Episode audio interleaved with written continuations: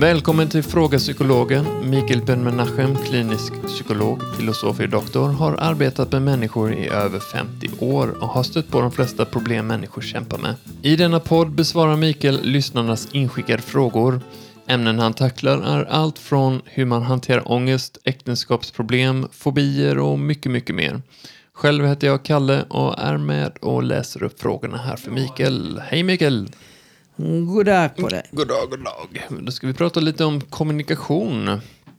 Och hur man ska prata med varandra. Du har nämnt i en eh, TikTok om hur man kan börja ta kontakt med folk och kanske knyta an lite. eh, Och kanske till och med skapa en relation utifrån det. Eh, Just och, det. och det handlar ju ja, det handlar om kommunikation helt enkelt.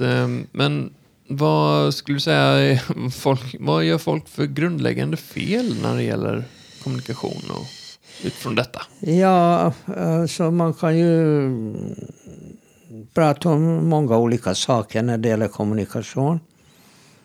Och eh, vad jag eh, är mest intresserad av det är en tvåsidig kommunikation. För att ofta är det så att vi tittar på TikTok eller eh, Instagram eller Facebook eller någonting. Och, och då får vi en information om någonting. Och vi läser det. Eller lyssnar på. Och sen eh, om vi har lust så svarar vi. Och vi skapar då en kommunikation. Medan om du skickar ett meddelande till mig eller till vem som helst och jag vill reagera på det eh, så, så är det bara att formulera mitt svar och, eh, och sätta upp det på den här eh, plattformen. Och sen kan alla läsa det här och kommentera och dela och allt det här som man gör idag. Men jag menar inte riktigt det här utan jag menar tvåsidig, riktigt tvåsidig mänsklig kommunikation. Det är vad jag menar. För att eh, det är lite för dåligt med det. Mm. Eh, jag märker och alla föräldrar eh, eh, märker det här att eh, sitter familjen vid middagsbordet och det är fem personer och var och en, mamma och pappa inkluderade, har sina telefoner i högsta hugg. Och medan de um, läppjar um, soppan eller någonting. Eh, så med andra handen, alltså ena handen måste nog ändå hålla mm, skedet. Men den andra handen så håller de telefonen. Mm. Och ehm, från början så har vi lärt oss att man ska i- inte ha handen under bordet Ja. av någon anledning. Ja. Eh, som om det vore eh, direkt fel. Men nu har de handen ovanför bordet. Men så tyvärr så har de en telefon i näven. Och jag tycker att det är väldigt otrevligt att det sitter en familj och äter soppa. Och istället för att prata med varandra så tittar de på sina telefoner. Mycket vanligt idag. Mm. Och ehm, det, splittrar ju familjer för att eh, de tappar den naturliga mänskliga kontakten med varandra. Det, det, det kan inte vara rätt. Och ehm, de föräldrarna som är medvetna om detta och till exempel sätter upp regler att vi, vi tittar inte på telefoner vid måltider eller vissa stunder eller så. Eh, det fungerar, men barnen ser ju att andra barn får göra det. Och det är alltid ett problem när man av religiösa eller sociala eller, eller andra skäl eh, sätter upp regler för sina barn. Och de här barnen de, de lever inte i vakuum. Utan de ser hur andra barn gör. Mm. Och eh, vad de får göra. Och eh, det är därför, om de tycker att eh, deras föräldrar är konstiga eller egendomliga eller besvärliga för att de inte tillåter det, så det är inte säkert att, eh, att barnen eh, njuter av det. Mm, ja, Jag, jag tror inte att de njuter av det. De kanske accepterar för att de tycker om sina föräldrar och så vill mamma och pappa ha det. Så okej, okay, vad ska jag göra? Det är tråkigt, usch, men jag vill inte bråka och det, det är vad de vill, så okej. Okay. Men de tycker inte om det. Och eh, frågan är hur man kunde göra så att det här blir även roligt. Att inte enbart hålla på med den typen av kommunikation utan att, att eh, hålla på med eh, personlig kommunikation. Och eh, i, i mina TikTok-program så tog jag upp ehm, ämnet hur man ska stärka sin självkänsla och hur man ska kunna lära sig att bli mera nöjd med sig själv. Och i det här programmet ingår att man ska kunna kommunicera. Och då menar jag personlig kommunikation. Och det finns vissa mm, krumelurer som man bör kunna när man kommunicerar. För det första så vi har sådana här fullständigt meningslösa kommunikationer. När vi bara slänger ut någonting. Alltså du kommer in till din arbetsplats och du hälsar och dina arbetskamrater. Hur gör man det? Hej, hej, hej, god morgon, hej. Läget? Ja, bra, bra. Okay. Det är en fullständigt meningslös kommunikation, eller hur? Mm. Om man då tänker sig att eh, ja, på en arbetsplats så ska man syssla med sitt arbete och inte hålla på. Ja, men det finns ju kafferaster också och det finns ju andra tillfällen där man ska vara tillsammans. Och, och om vi inte är tränade att utnyttja de här eh, pauserna för att umgås så, så blir det pinsamma, eh, tysta eh, kafferaster där man dricker kaffe och tittar på telefonen. Mm. Och eh, det är ju synd.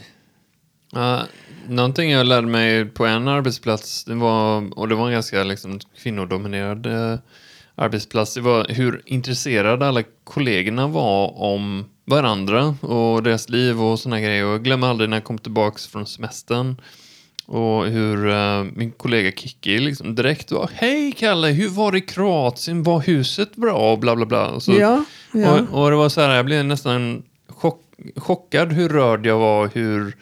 hur Att hon ställde hon frågan. hade, hon hade sån koll, hon var genuint intresserad. Jag blev liksom så här, ja, liksom rapporterade av och åh vad kul och sådär. Och, så, och just den, hur hon fick mig att känna mig kände jag, det här vill jag ju ta till mig och försöka lära mig. Eh, För det är ju en känsla man gärna vill förmedla vidare till någon annan i så fall. Men, Ja, eh, precis. Och eh, det här är väldigt lätt och roligt att locka folk till samtal. Alltså din kollega hon var väldigt duktig på det här. Men de flesta, mm, på grund av att de är otränade och skäms till och med, blyga och, och vågar inte. Och accepterar det här eh, slarviga nivån. mm, Att du kommer till jobbet och så frågar din kollega Hur mår du Kalle? Mm. Och då säger du bra. Slut. mm, Där stannar det hela. Och så plötsligt så säger du så här. Jag hade faktiskt rätt mycket huvudvärk i måndags. Mm. Ja, så säger hon. Hon är inte van vid att du svarar. ja, Du brukar ju alltid säga bra, bara bra, tack ska du ha. Okej. Och plötsligt så svarar du, du hade huvudvärk. Då måste hon på något sätt reagera på det här.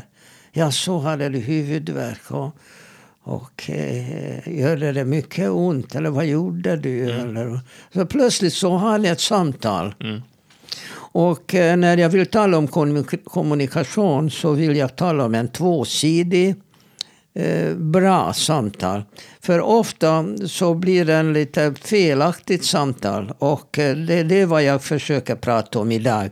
Hur man gör att det blir ett bra samtal. Det är nämligen väldigt lätt att göra fel.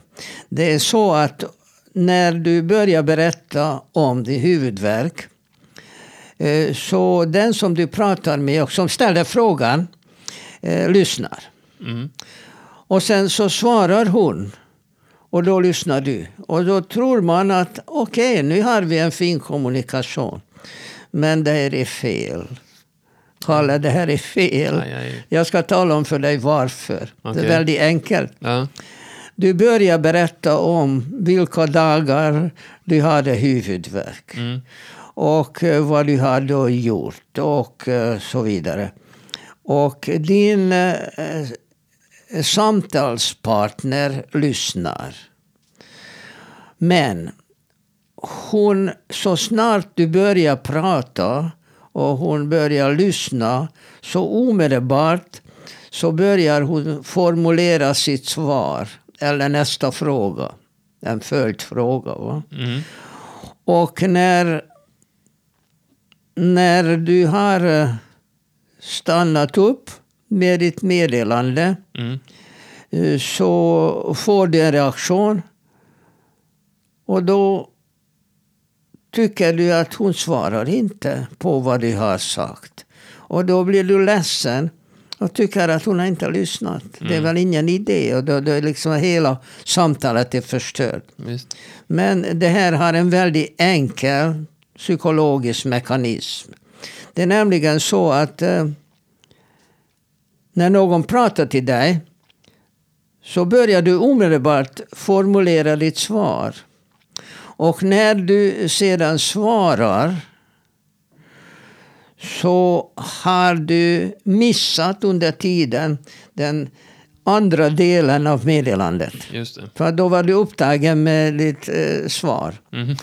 Och när du då svarar, då svarar du enbart på första delen av meddelandet. För det är vad du har lyssnat på. Ja. Och du har missat hela andra delen. Medan hon som har pratat till dig, hon minns mest vad det som hon har sagt sist.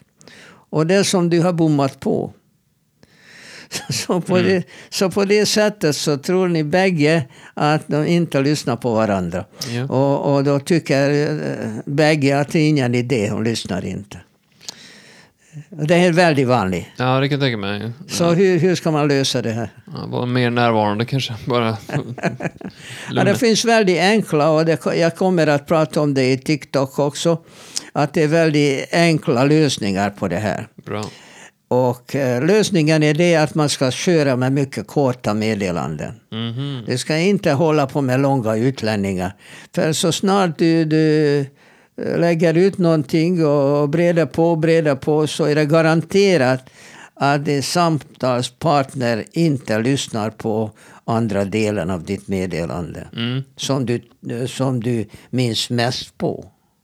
Visst. Ibland så, jag hör även i psykologkretsar, ursäkta vad har du sagt? För att Ja. de var så upptagen på att formulera sitt svar att de fullständigt eh, tappat eller inte ens haft eh, andra delen av meddelandet. Mm. Och du som har just levererat ett meddelande, det, det är det vad du kommer mest ihåg. Mm. Så att man måste ju på något sätt avhjälpa det här. Och det enklaste sättet är att inte hålla på med sådana här långa utläggningar.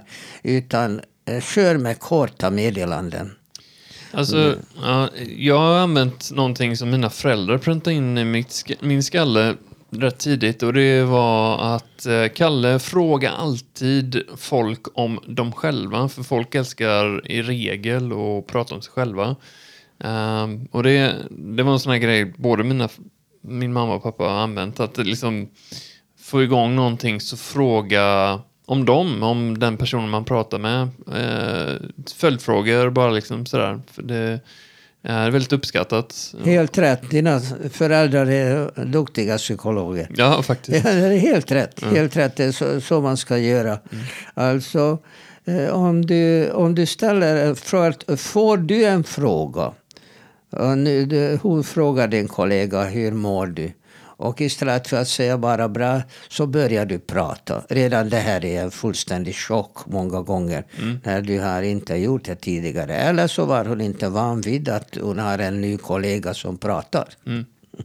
Det. Och, och det, det var ju inte så tidigare. Eh, ett samtal ofta var någonting oerhört.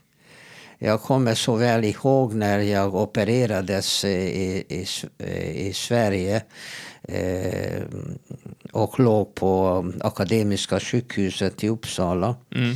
Eh, dagen efter operationen så kommer docenten som har opererat mig med hela gänget, eh, översköterska, sköterskor och sköterskeelever och biträden och eh, läkarstuderande. Hela gruppen va? Ja, okej. kommer in i rummet.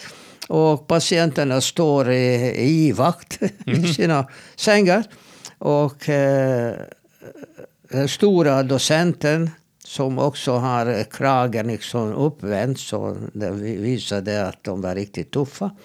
Eh, Så stannar vid min säng och, och bara tittar på, jag vet inte vad han tittade på, som hängde vid varje säng. Kanske feberkurvan eller något sånt. Och eh, skulle, just, skulle just gå vidare till nästa säng när jag säger och jag är nu i Sverige. Och jag är nu som patient i Sverige. Och jag säger till eh, den stora docenten så här. Ursäkta doktorn, jag vill fråga någonting. Han liksom trodde att jag kom från eh, en, en, en, en, en annan eh, kärna. Ja. Och han stannar upp. Men tänker inte en sekund på att svara. Nej. Utan han vänder sig till översköterskan och säger till henne, eh, han, alltså jag, han vill tala, psykolog. Menar att hon ska skriva upp att jag behöver psykologkontakt. Oj. Jag trodde inte det var sant. Men eh, det var ju naturligtvis det var för 50 år sedan, men ändå. Eh, Det är inte så idag, men det var mycket ovanligt att en patient vågade tala till läkaren. Mm. Eh, För att de sociala skillnaderna och, och beteendemönstren var, var sådana. Så att det, det- var ju mycket ovanligt att eh, det förekom sådana här samtal. Så att det, det har ju sina historiska rötter faktiskt. Men oavsett, om man vill då kommunicera och verkligen bägge vill tala med varandra. Och där kan man väldigt enkelt locka någon till det här. Att ställa frågor, precis som dina föräldrar sagt, är jättebra. För att som du säger, alla vill ju och gärna prata om sig själv. Bara man ger dem ett tillfälle. Men ofta så håller man på med föreläsningar istället för att visa ett intresse. Min, min fru är jätteduktig på att ställa frågor. Och alltid, eh, det kunde vara vilken professor som helst. Så, så säger jag, hur många barn har du? Och så, hur gammal är den äldsta? Och vad gör hon? Ja, det är väldigt sympatiskt. Ja, och de svarar hur lätt som helst. Ja. Men jag har lärt mig under veckan när jag har läst någonting om någon som vill eh, träffa sultanen i Turkiet.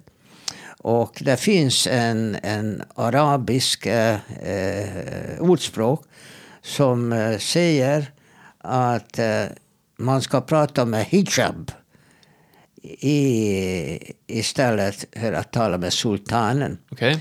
Och det här är som eh, arabiska eller muslimska kvinnor ofta har på sig och huvudet. Det är tre konsonanter. Ett H, ett G och ett B. Just Och eh, så man kan sätta i lite eh, vokaler emellan.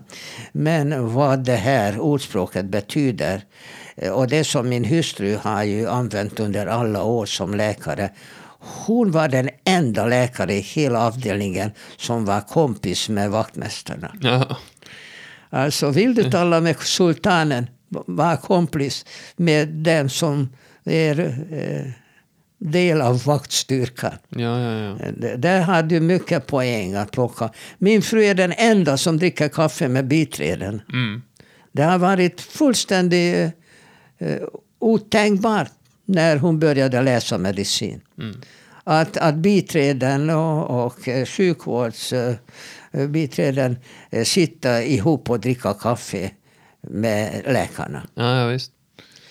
Ja, det är också en sån här tumregel jag haft eh, i livet att alla, oavsett vem man är i hierarkiordningen, har någonting att säga dig. eh, någon historia som man kan lära sig någonting av från deras liv och sådär. Så att, och vare sig man är vaktmästare eller Men man, man kan vinna väldigt mycket på att vara social på det sättet.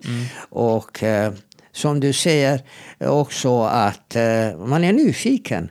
Man vill gärna veta någonting om den andra. Så plötsligt så blir det en, en levande person som pratar om sig själv. Mm.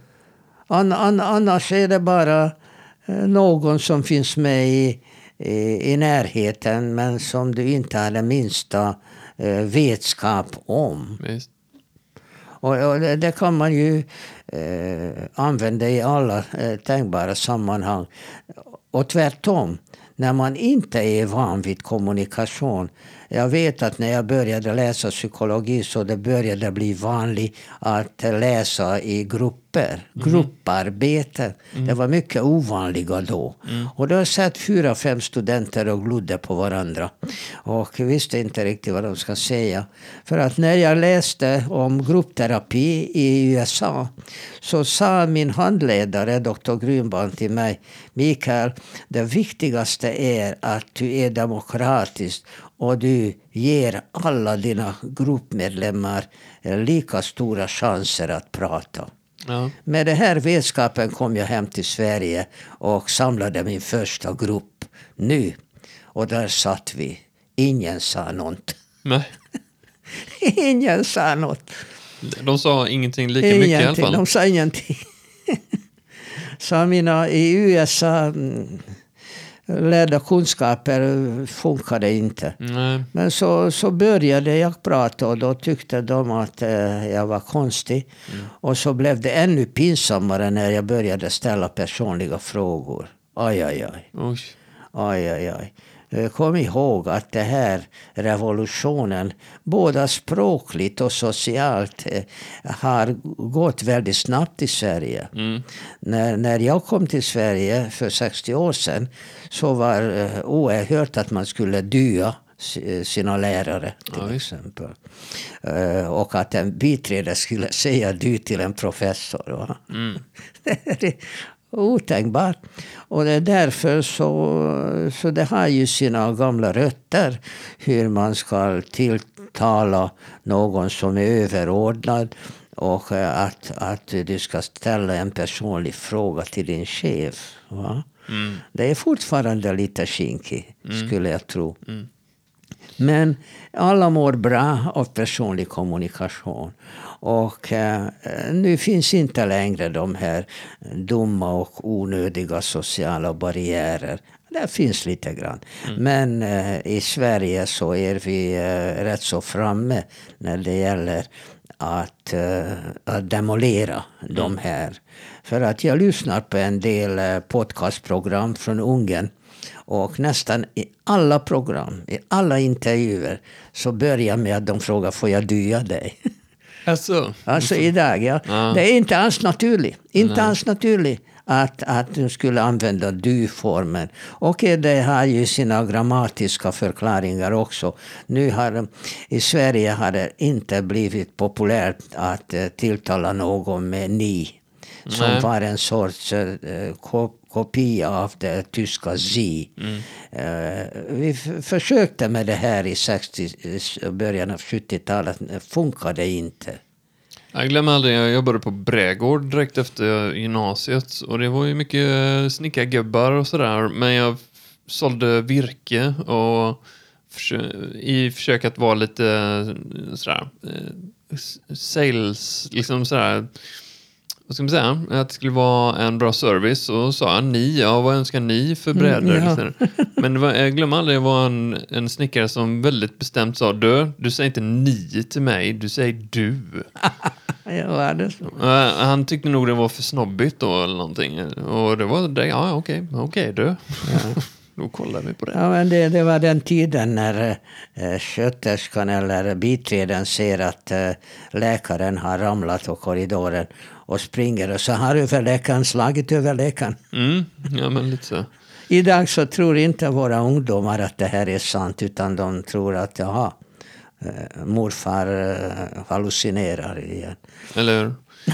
Nej, men kommunikation är ju väldigt, väldigt viktigt i livet. Sådär. Och jag tycker ändå det vi snackat om är ju jätteviktigt. Eller, ja, vi har rört många bra punkter, men just det här liksom att bjuda på sig själv. Och att, Ja, så eh, att jag kommer att eh, ha flera TikTok som handlar om det att, eh, att väcka intresset för personlig kommunikation. Ja, ja. ja, men det är jättebra. Nu följer vi det.